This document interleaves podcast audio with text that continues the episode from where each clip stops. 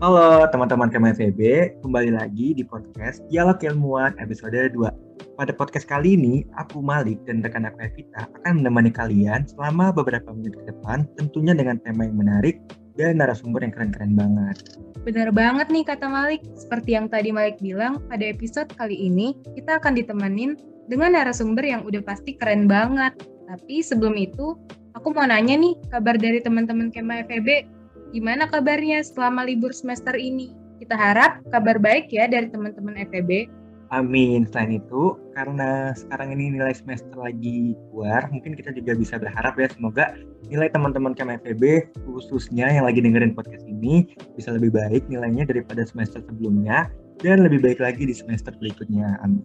Setuju banget sama Malik. Tapi kayaknya teman-teman Kema FEB udah gak sabar nih buat dengerin obrolan seru kita sama narasumber kali ini mending kita langsung undang aja ya narasumber kita.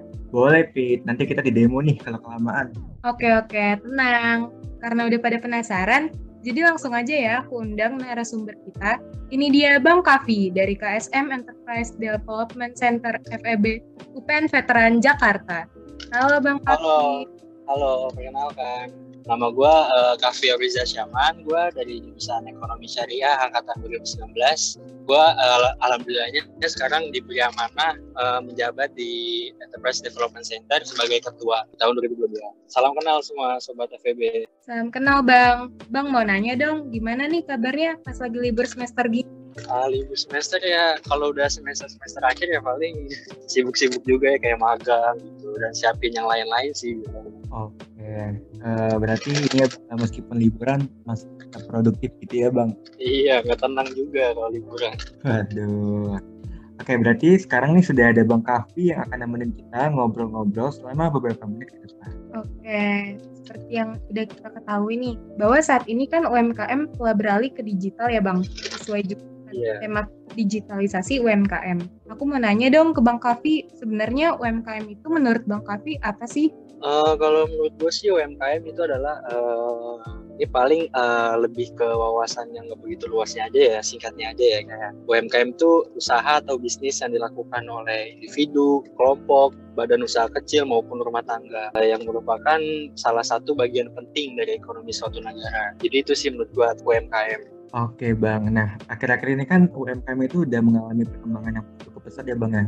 Um, bahkan udah sampai ke tahap digitalisasi tuh, makanya disebut digitalisasi UMKM nih Bang. Nah kalau dari perspektifnya Bang Kavi nih, uh, dampak dari adanya digitalisasi UMKM itu apa sih Bang? Uh, kalau bicara tentang dampak digitalisasi UMKM paling sama ya kayak manfaat juga ya mungkin ya Kayak misalkan yang pertama tuh ada meraih pasar yang lebih luas. Jadi dengan adanya digitalisasi, uh, menurut saya kayak misalkan nih tadinya kita awalnya bukanya offline, terus tiba-tiba kita buka online nih. Nah itu kita bisa menjangkau pasar yang lebih luas, konsumen yang lebih luas, kayak uh, produk kita bisa kejual lebih uh, jauh gitu maupun ke misalkan kayak ke daerah pelosok nih. Kalau dari offline kan mungkin orang yang konsumen yang datang dari jauh kan mungkin agak sulit untuk apa datang ya. Tapi kalau kita melalui online itu kita juga bisa menjual uh, produk kita secara lebih luas gitu dan ada e-commerce juga lebih mudah jadinya gitu. Terus yang kedua mungkin dampaknya itu UMKM kita menjadi lebih profesional. Kenapa? Karena mungkin di mata uh, para konsumen yang tadinya misalkan kita hanya buka secara offline ya kita cuma menawarkan mereka secara browser atau mulut ke mulut. Tapi kalau kita ke online ya kita udah mempunyai website sendiri, kita udah mempunyai uh, sosial media dan terlihat lebih profesional. Terus yang ketiga dampaknya kayak biaya operasional lebih rendah kalau kita menggunakan e-commerce atau online shop itu kita cuma uh, mungkin bayar pajak ya atau enggak bayar kayak uh, marketing marketing kayak periklanannya gitu loh. Tapi kalau misalnya kita buka secara offline ya banyak biaya yang kita keluarin. Contoh kayak kita sewa ruko lain-lain gitu. Terus untuk dampak yang lain itu adalah pertumbuhan UMKM akan lebih cepat jadinya. Kayak misalkan kembangan zaman nih ini yang tadinya. Lagi kan setelah covid nih kan ya covid apa-apa tuh serba digital serba teknologi. Jadi makanya kalau kita menggunakan menggunakan UMKM dengan cara online ya, dengan cara digitalisasi itu bakal bertumbuh lebih cepat gitu. Karena sekarang juga banyak nih konsumen yang memakai e-commerce, e-commerce gitu. Itu sih mungkin dampaknya. Oke, ini berarti yang aku tangkap nih ya, yang aku lihat Bang Kavi udah cukup ya jauh ya untuk kenal UMKM sampai tahu banyak nih tentang digitalisasi Bang ya. Iya, alhamdulillah udah paham juga karena uh, sekarang juga eh gue di ini sih di DC juga memang bahas soal digitalisasi UMKM gitu. Jadinya kayak alhamdulillah cukup paham tentang digitalisasi ini. Gitu. Hmm, biasanya tuh yang Bang Kavi sering lihat itu tuh bentuk digitalisasi UMKM itu kayak apa aja sih Bang bentuk? Bentuk digitalisasi UMKM ya, yang sering dilihat tuh yang di ini sih yang di e-commerce e-commerce tuh kan banyak ya yang mulai uh, memasarkan produk tuh kayak misalkan di online shop nih TikTok gitu. Kan TikTok juga tuh sekarang lagi gencar juga tuh. Terus juga di marketplace Facebook bisa Instagram online shop gitu. Contohnya kayak misalkan kita nih lagi ngelihat story nih kan tiba-tiba kita ada iklan gitu di story nih kan. Itu biasanya lah efek dari IG ads biasanya itu kayak marketing mereka gitu. Yang tadinya kita cuma ngeliat story teman-teman kita kok tiba-tiba ada iklan. Kayak misalkan produk fashion produk makanan segala macam. Nah, itu salah satu contoh digitalisasi. Mereka memasarkan produknya melalui Instagram ads gitu oke berarti yang aku juga pernah dengar sih kayak ada istilah ads atau istilah yang muncul di Google gitu kayak Google Ads atau Facebook Ads atau Instagram Ads itu juga sering temuin gitu ya. Iya benar. Wah dari tadi aku dengerin Malik sama Bang Kavi nih ngobrol kayak udah paham banget gitu Bang Kavi tentang UMKM. Nah aku mau nanya juga dong Bang, ada nggak sih peran pemerintah nih terkait digitalisasi UMKM? Wah itu ada kok uh, peran pemerintah. Kayak contohnya nih ya, pemerintah telah meluncurkan ini program uh, Gernas BBI atau Gerakan Nasional Bangga Buatan Indonesia. Jadi itu yang bertujuan untuk mendorong digitalisasi atau bisa disebut onboarding bagi UMKM offline serta mendorong national branding produk UMKM unggulan pada berbagai marketplace. Selain itu, gerakan ini juga diharapkan dapat meningkatkan ekspor produk UMKM. Nah, terus juga selain itu uh, pemerintah juga menyambut baik seluruh upaya meningkatkan kemampuan UMKM untuk menembus pasar global. Pertama, contoh ada kreasi Nusantara, itu from local to global. Itu memfasilitasi penjualan produk lokal ke Malaysia dan Singapura. Terus yang kedua ada Buka Global yang memfasilitasi pembelian produk lokal oleh para customer dari Malaysia, Singapura, Brunei, Hong Kong, Taiwan, dan lain-lain. Selanjutnya yang ketiga ada ASEAN, yaitu ASEAN Online Sale Day yang bertujuan meningkatkan transaksi lintas batas e-commerce di kawasan Asia Tenggara. Itu. Oh, paham Bang. Berarti penting banget ya peran pemerintah di sini bisa membantu banyak UMKM biar lebih dikenal sama masyarakat luas, masyarakat di luar yeah. sana di Indonesia. Hmm, oke bang, nah tadi kan berarti uh, yang aku tangkap juga pemerintah tuh udah sampai turun tangan lah ya sampai ada kayak gerakan yang harus bangga sama buatannya Indonesia nih. Nah tapi bang, yeah, yang penasaran ya bang ya, mungkin pemerintah udah kayak membuat kebijakan yang kita harus semua turun tangan. Tapi dari yang kita ketahui ini kan misalnya kita ngomongin UMKM dan ini berkaitan sama digital ya kan digitalisasi. Mungkin yang aku sempat tangkap kan selain tadi Google Ads, Facebook Ads gitu, gitu kan ada yang namanya mungkin untuk transaksi kali ya bang ya. Ada yang namanya alat pembayaran digital nih alat-alat pembayaran digital yang kita gunakan untuk transaksi sama UMKM. Nah itu bang apakah efektif ya bang ya kalau misalnya UMKM zaman sekarang itu udah mulai menggunakan alat pembayaran digital bang atau baiknya tetap pembayaran tunai aja bang itu kalau kata bang Kapi itu perspektifnya gimana bang? Oh iya benar sekali kalau menurut gue juga pembayaran digital banget sangat efektif ya karena memang kalau sekarang orang-orang kan uh, lebih aman mungkin atau lebih safety-nya ya kalau megang uang tuh secara digital ya. Makanya juga lebih praktis juga sih kayak apalagi ya kemarin nih misalkan kayak Covid kan. Orang-orang tuh takut bersentuhan. Makanya sekarang pembayaran tuh melakukan QR code gitu-gitu. Kayak pembayaran digital tuh uh, lagi digencarkan banget. Sekarang juga uh, banyak juga nih uh, dari pembayaran QR code yang menggunakan promo juga. Kayak misalkan dari OVO, Dana, GoPay gitu kan. Sekarang lagi dipasarkan dengan cara dipromokan gitu. Jadi kayak biar orang-orang juga memakai pembayaran itu karena gue rasa juga memang sangat efektif sih pembayaran melalui digital seperti itu gitu oke bahkan uh, seperti yang tadi udah bang Kavi bilang ya kayak uh, menggunakan digital tuh kayak lebih efektif lebih efisien dan uh, banyak juga promo-promo yang dikeluarin sama bentuk digital ini kan ya bang? Nah menurut bang Kavi ada nggak sih bang uh, peran dari Bank Indonesia yang mempengaruhi digitalisasi UMKM ini bang? Uh, kalau menurutku sih ada pengaruhnya dari BI. Uh, contohnya nih melalui tiga pilar program pengembangan UMKM BI yang meningkatkan kapasitas produksi, efisiensi biaya serta perluasan pasar. Salah satu implementasi program dari ketiga pilar pengembangan UMKM melalui program digitalisasi UMKM. Nah BI juga uh, berpengaruh banget nih buat program digitalisasi UMKM Bank Indonesia. Sama contoh ada e-forming, yaitu digital farming, pemanfaatan teknologi digital pada pertanian untuk meningkatkan uh, kapasitas produksi dan efisiensi biaya hulu dan peluasan pasar hilir. Terus yang kedua ada ini ada e-commerce. Yang pertama di e-commerce itu dibagi dua juga yaitu ada onboarding UMKM, uh, perluasan pemasaran UMKM melalui berbagai saluran pemasaran digital melalui penguatan digital skill dan mindset, digital presence, digital marketing dan digital operation. Terus yang kedua ada uh, e-commerce ekspor UMKM, yaitu perluasan pemasaran UMKM ke pasar global melalui saluran pemasaran digital e-commerce cross border. Nah, selanjutnya ada pendukung financing. Nah, di sini ada Siapik, yaitu aplikasi aplikasi digital nih bagi UMKM untuk penyusunan laporan keuangan sebagai referensi bank dalam menganalisis kelayakan pembiayaan UMKM. Nah, yang terakhir ada e-payment, yaitu sarana pembayaran digital untuk memudahkan transaksi UMKM sebagai entry point ke dalam ekosistem ekonomi dan keuangan digital uh, seperti yang kita sebutkan tadi itu. Jadi memang uh, BI ini uh, berpengaruh juga nih buat digitalisasi UMKM. Hmm, Oke, berarti dari BI ini juga tadi nggak mati pada intinya itu mereka juga kayak memberikan terobosan baru di bidang digital ya bang ya supaya UMKM itu jadi lebih maju dan semua orang yang sedang membangun UMKM itu juga mereka tanpa harus kayak takut kayak ketinggalan lah ini itulah sampai-sampai kayak ada bentuk inovasi teknologi yang kayak pembiayaan lah tadi ada payment gitu-gitu ya bang ya iya benar hmm, oke okay. ini keren banget nih BI udah sampai kayak tantangan langsung ya buat UMKM ini iya, iya keren makanya. Banget. Digitalisasi UMKM ini tuh udah dipengaruhi secara signifikan sama Bank Indonesia. Kayak contohnya tadi tuh kayak e-payment. Betul, betul banget Pit. Nah mungkin ya setelah aku dengar penjelasan tadi nih dari Bang Kavi kayaknya uh, mungkin kita pikir kali ya dari teman-teman kayak FEB juga kayak penasaran gak sih tentang UMKM lebih lanjut seperti apa. Karena kan dari Bang Kavi tadi penjelasannya kan kayak wow banget gak sih? Iya ya kan? parah keren ya banget. kan? sampai tadi ada contoh nyata dari peran BI-nya juga ada jadi contoh nyata juga dari bentuk bentuk-bentuk kayak tadi kita yang kayaknya juga udah ada ya. Mungkin nih uh, dari Bang Kavi nih mungkin karena kita udah terbatas nih waktunya kalau misalnya teman-teman dari yang lagi dengerin podcast ini lagi pengen kepoin nih kepoin tentang uh, kewirausahaan atau kepoin tentang UMKM gitu ada nggak sih bang tempat atau wadahnya nih yang mungkin bisa nih dikenalin ke teman yang lagi dengerin podcast ini bang Wah ada banget nih bagi teman-teman FEB yang uh, ingin belajar tentang bisnis gitu atau mengetahui tentang UMKM UMKM bisa banget kalian join nih di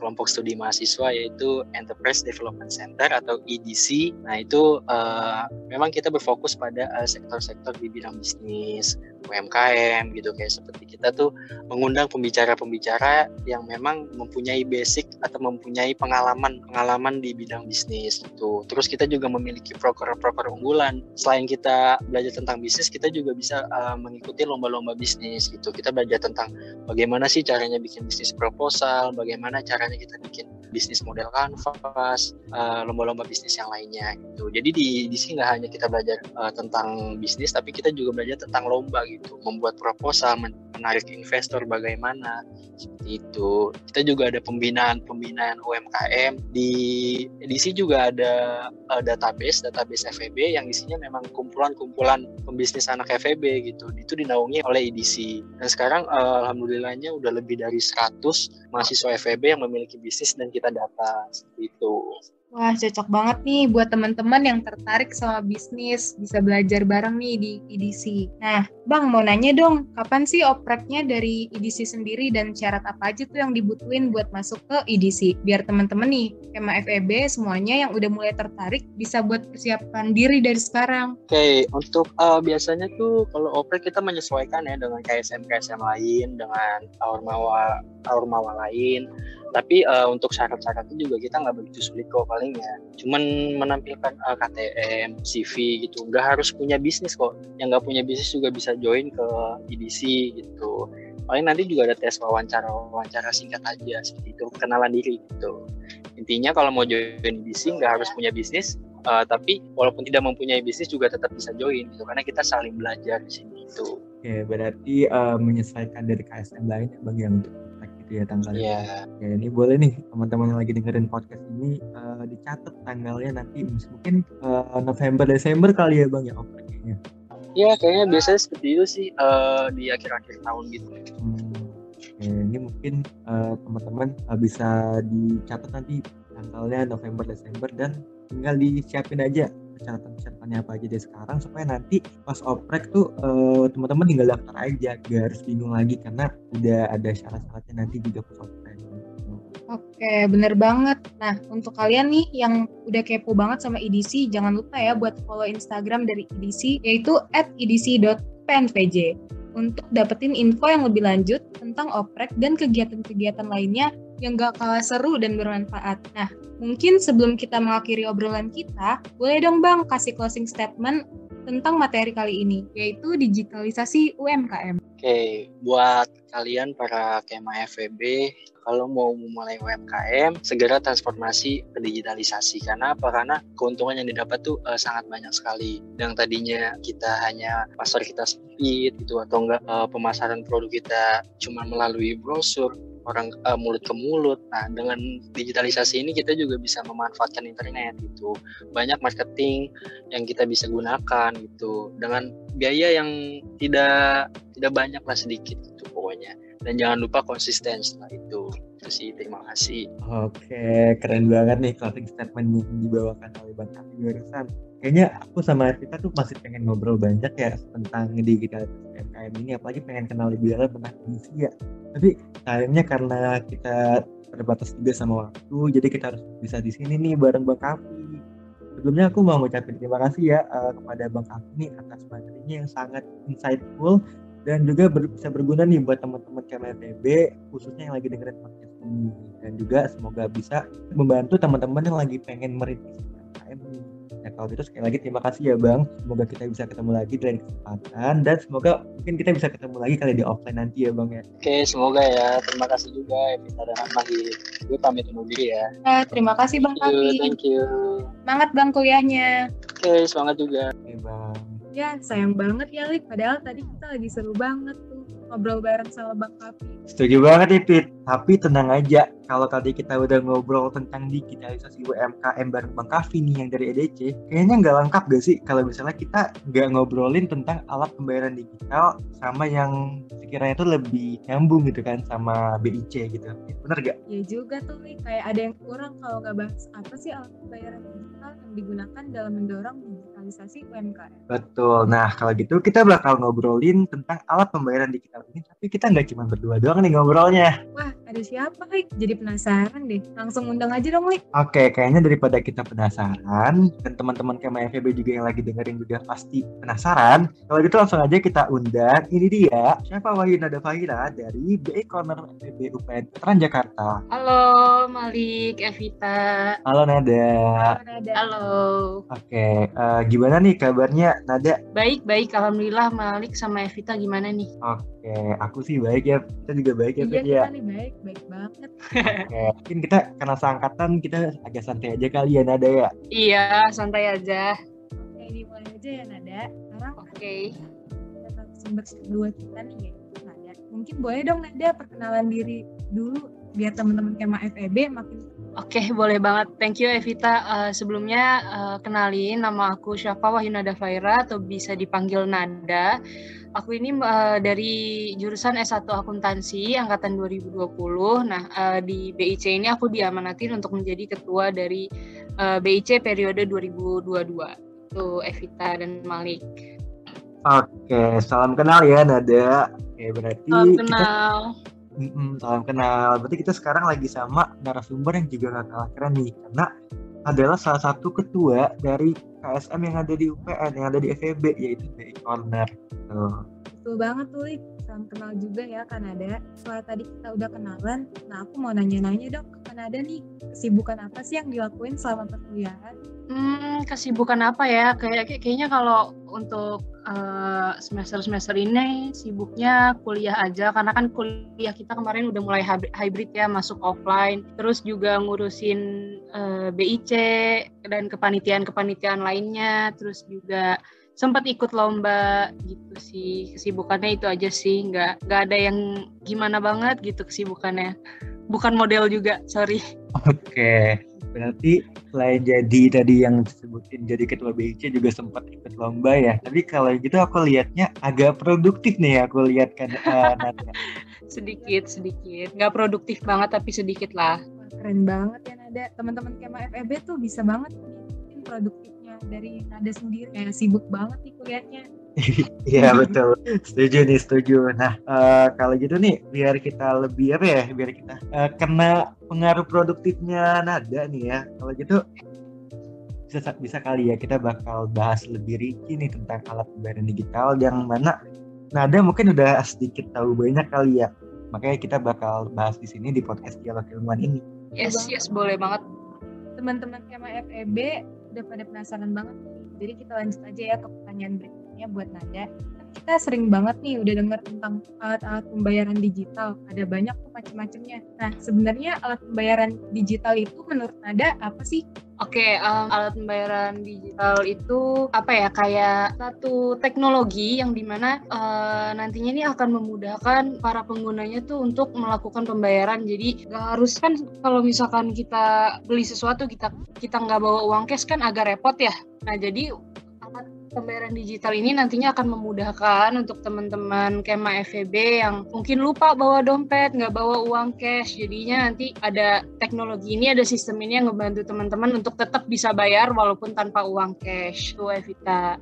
Oh, jadi gitu ya. Jadi kayak lebih efektif lah ya untuk pakai uh, pembayaran digital ini? Ya betul banget, lebih efektif dan lebih efisien juga pastinya. Oke, okay, um, karena karena tadi kita udah ngomongin efektif efisiennya secara singkat nih. Kalau dari Nada sendiri tuh ada nggak sih uh, manfaat yang mungkin bisa dirasakan untuk semua kalangan gitu kan, khususnya bagi kita nih mahasiswa tuh ada nggak sih manfaat yang sangat nyata gitu dari alat dari adanya alat pembayaran digital ini? Uh, Oke, okay. ada dong pastinya nantinya uh, si alat pembayaran digital ini akan memudahkan memudahkan kita untuk melakukan pembayaran di mana pun. Jadi nggak perlu lagi nih harus nyari-nyari ATM untuk ngambil uang cash dan segala macam. Jadinya kita cukup dengan uh, handphone kita aja, dengan gadget kita aja, kita tetap bisa melakukan pembayaran. Gampang banget kan? Jadi kita nggak perlu pusing kalau nggak bawa dompet. Aduh nggak bawa dompet nih, aduh uang gue ketinggalan nih gitu. Kayaknya dengan menggunakan gadget aja tetap bisa melakukan pembayaran gitu. Oke, berarti ini dari yang aku dengar juga berarti Nada juga udah cukup sering nih ya pakai namanya alat pembayaran digital ini ya Nada? Sering-sering banget. Oke, oke. Berarti emang udah ini ya, udah cukup jadi konsumen yang tetap lah ya untuk alat pembayaran ya, digital. konsumen tetap, iya betul. Wah, berarti dari Kanada sendiri udah terkenal banget lah ya sama pembayaran digital. Nah, mungkin pertanyaan selanjutnya nih, yang sering banget ditanya-tanyain sama teman-teman Kema FEB atau masyarakat di luar sana, yaitu mengenai keamanan dari pembayaran digital. Nah, apa Bank Indonesia tuh mengawasi berbagai macam alat pembayaran digital ya, Nat? Nah, oke. Okay. Di sini aku mau jelasin sedikit ya. Jadi, Bank Indonesia itu mengembangkan satu sistem namanya itu KRIS KRIS itu singkatan dari Quick Response Code Indonesian Standard. Nah, KRIS ini merupakan uh, standar QR code untuk sistem pembayaran di Indonesia yang dikembangkan oleh Bank Indonesia dan Asosiasi Sistem Pembayaran Indonesia. Nah, uh, berdasarkan keterangan resmi dari Bank Indonesia sendiri, uh, KRIS ini merupakan kombinasi dari berbagai jenis QR code dalam berbagai penyelenggara jasa sistem pembayaran atau PJSP. Nah, yang pastinya uh, karena ini dikembangkan oleh Bank Indonesia sendiri, yang pastinya QRIS ini aman, sangat aman, dan yang pastinya lebih cepat dan sangat mudah gitu guys. Jadi Kris ini membantu teman-teman banget untuk melakukan pembayaran tapi walaupun mudah Kris ini tetap aman dan pastinya diawasin sama Bank Indonesia. Kayaknya teman-teman SMA FEB nih khususnya pengguna alat pembayaran digital udah nggak usah khawatir lagi nih karena udah pasti aman dan diawasi oleh Bank Indonesia seperti yang tadi udah dijelasin sama Nada. Oh iya, tapi ya Nada ya kalau yang misalnya aku perhatiin nih ya uh, walaupun kita pakai scan-scan sana sini gitu. Kayak misalnya udah jadi uh, salah satu kegiatan rutin kita nggak sih? Kayak scan peduli lindungi lah, scan yang kita mau bayar ini itu tapi uh, yang aku perhatiin juga tuh belum banyak gak sih? Kayak yang yang pakai IR ini tuh kalau misalnya di tempat-tempat itu apalagi kayak warung-warung gitu itu belum banyak gak sih? Iya benar banget. Masih belum banyak uh, dari merchant atau dari penggunanya sendiri pun yang masih belum menggunakan uh, kris kris ini atau QR code ini. Padahal sebenarnya kris ini, ini sangat menguntungkan loh sangat memudahkan merchant warung-warung atau penggunanya itu sendiri gitu li. Hmm oke okay. nah yang aku tangkap juga nih kadang aku mikir ya kadang kita mau uh, belanja nih di warung tapi QR ini belum ada kan terus kadang aku mikir apa warung ini tuh belum tahu ya kalau misalnya kita ini tuh iris ini tuh efektif gitu buat operasinya mereka buat uh, usahanya mereka nah mungkin dari nada bisa kali kayak next ke kita semua tuh kayak gimana sih efektifnya UMKM terutama atau kayak suatu jenis usaha yang apabila menggunakan pembayaran digital tuh kayak gimana sih kayak gitu boleh mungkin diceritakan ada Oke, uh, jadi sebelumnya di sini aku mau ngasih tahu dulu uh, karakteristik dari krisnya ini sendiri. Nah, karakteristik dari krisnya ini ada empat, uh, disingkat menjadi unggul. Yang pertama itu universal. Universal itu maksudnya apa? Nah, uh, ini dapat digunakan di seluruh lapisan masyarakat dan dapat digunakan di dalam negeri maupun luar negeri. Nah, itu menguntungkan banget kan, Lik. Jadi dalam negeri maupun luar negeri pun uh, ini dapat digunakan gitu loh. Uh, yang kedua itu gampang. Nah, karena gampang ini, jadi semua orang tuh bisa digunain dari setiap lapisan masyarakat gitu karena penggunaannya gampang ya dan yang pastinya walaupun gampang yang tadi aku bilang kalau QRIS ini sangat aman karena diawasi oleh Bank Indonesia. Terus yang ke yang ketiga itu untung. Untung itu maksudnya apa sih? Untung itu maksudnya efisien. Uh, jadi dengan menggunakan satu QR code aja, uh, semua aplikasi uang elektronik itu dapat melakukan pembayaran melalui QR code itu. Jadi untuk UMKM yang ada di Indonesia nggak perlu nih bikin uh, setiap aplikasi uang elektronik bikin QR code-nya gitu. Itu nggak perlu. Jadi hanya cukup satu QR code aja nantinya bisa digunakan melalui uh, setiap aplikasi uang elektronik. Nah yang terakhir itu langsung. Langsung itu dalam arti transaksi transaksinya ini cepat seketika dan teknologi ini juga mendukung kelancaran sistem pembayarannya. Nah itu kan tadi karakteristiknya ya, Lik. Nah aku mau ngejelasin sedikit manfaat kris nih. Nah manfaat kris bagi merchant itu yang pastinya merchant atau UMKM ya. Nantinya kris ini akan membantu meningkatkan traffic dari penjualan si UMKM itu sendiri. Terus yang kedua nantinya transaksi akan tercatat secara otomatis dan bisa dilihat di story transaksinya. Nah terus juga nantinya kemudahan pembayaran tagihan, distribusi pembelian barang secara non tunai tanpa meninggalkan toko. Nantinya si UMKM itu juga dapat melakukan transaksi-transaksi tersebut dalam, uh, tanpa meninggalkan toko. Nah, terus untuk masyarakat atau buat uh, usernya apa sih manfaatnya? Nah, manfaat itu yang pertama artinya uh, masyarakat akan lebih mudah karena tidak perlu membawa uang tunai dalam jumlah yang banyak dan yang pastinya pembayaran dengan kris ini terjamin aman. Jadi jangan takut lagi deh untuk UMKM atau untuk teman-teman kema FEB dan masyarakat di luar sana untuk menggunakan kris karena ini aman banget sekali lagi aku tekanin ini aman banget. Wah, berarti bermanfaat banget ya udah gampang efisien bisa dipakai sama masyarakat luas dan membantu UMKM banget nih yang ada di Indonesia tentunya. Nah tadi kan kita udah bahas nih pengertian manfaat keamanan bahkan efektivitas dari alat pembayaran digital pada UMKM itu sendiri Nah, terus ada nggak sih peran Bank Indonesia secara umum khususnya terhadap digitalisasi UMKM? Misalnya seperti mendorong digitalisasi UMKM gitu. Ya, uh, oke. Okay. Dari BI sendiri ini, uh, eh, BI itu uh, sedang melakukan usaha yang di mana dia mendorong perluasan penggunaan KRIS ini uh, hingga 12 juta pengguna, yang pastinya bersama dengan PJSP ya, atau tadi isi alat pembayarannya itu sendiri. Uh, terus yang kedua itu juga uh, BI mendorong gerakan nasional Bangga Buatan Indonesia dan Bangga Berwisata Indonesia, atau uh, jadi BI ini lagi mendorong gerakan untuk uh, yuk kita gunain produk dari negara kita sendiri. Nah, QRIS itu kan tadi kan uh, buatan dari BI ya.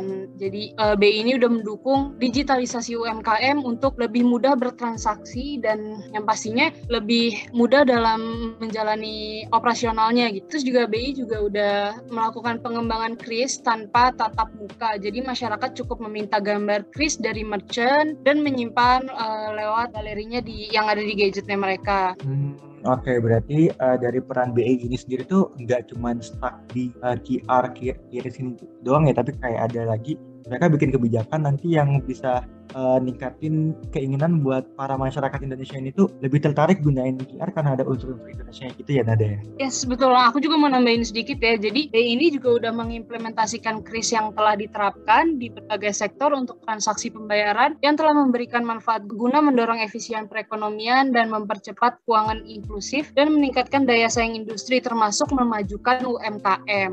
Itu yang ditekankan, memajukan UMKM.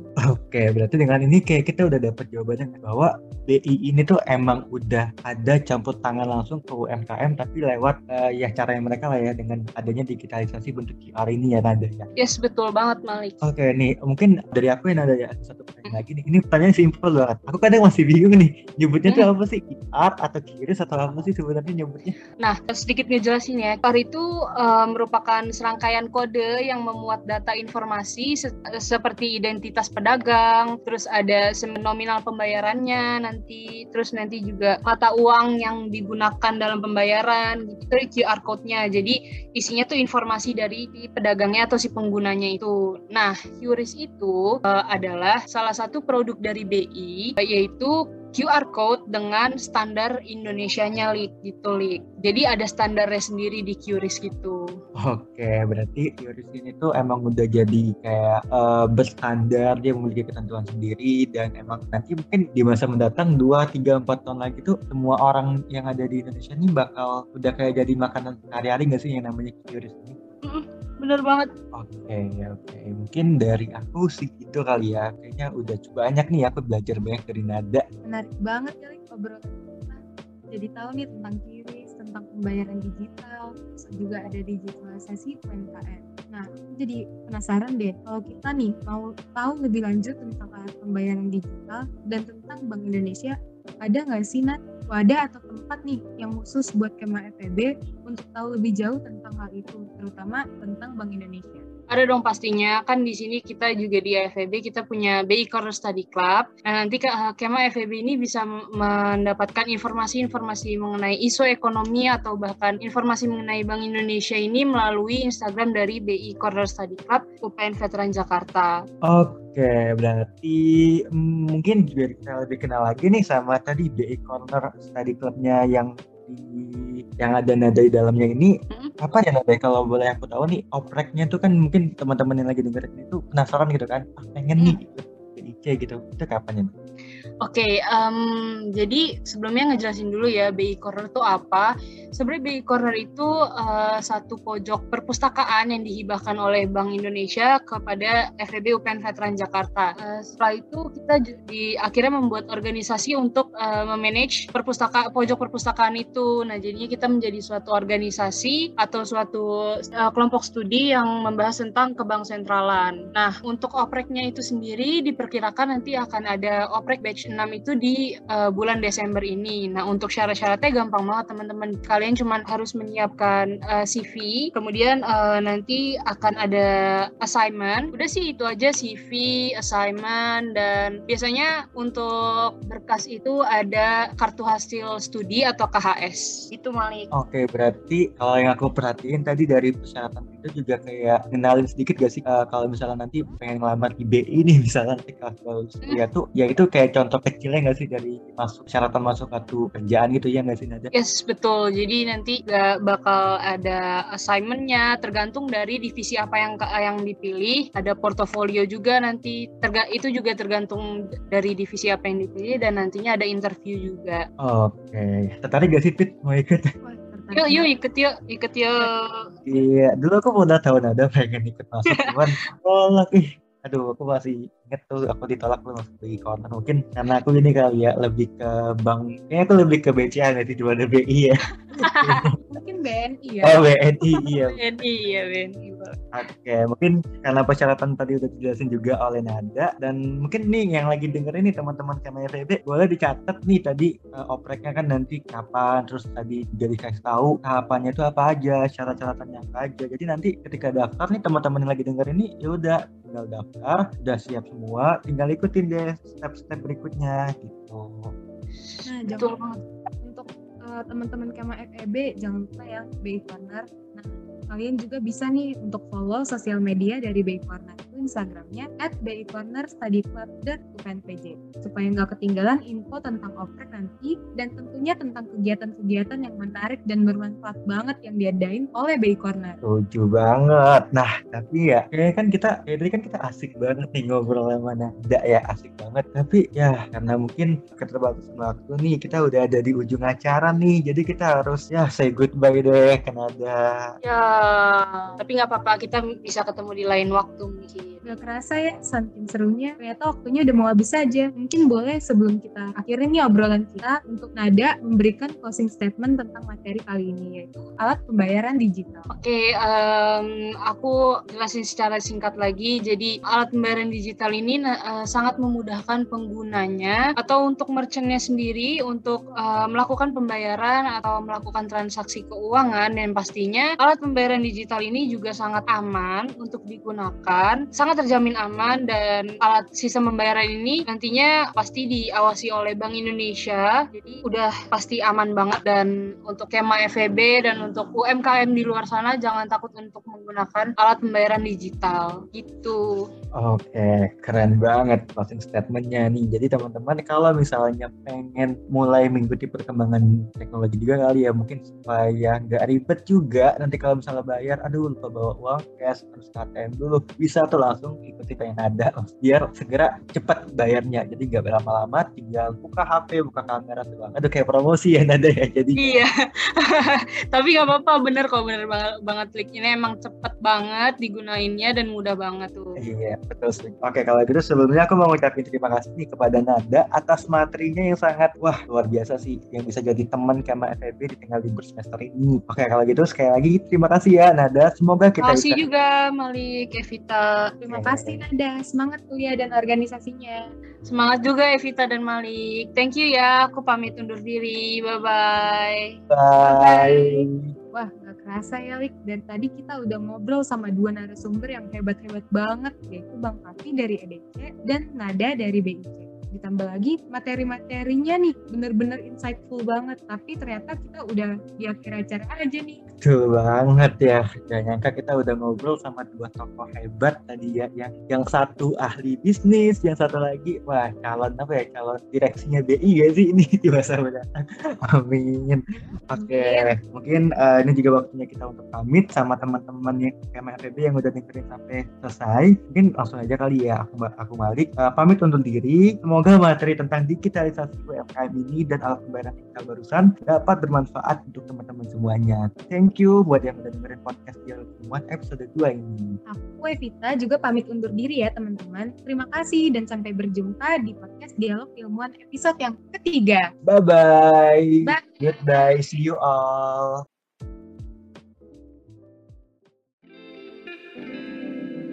Wow.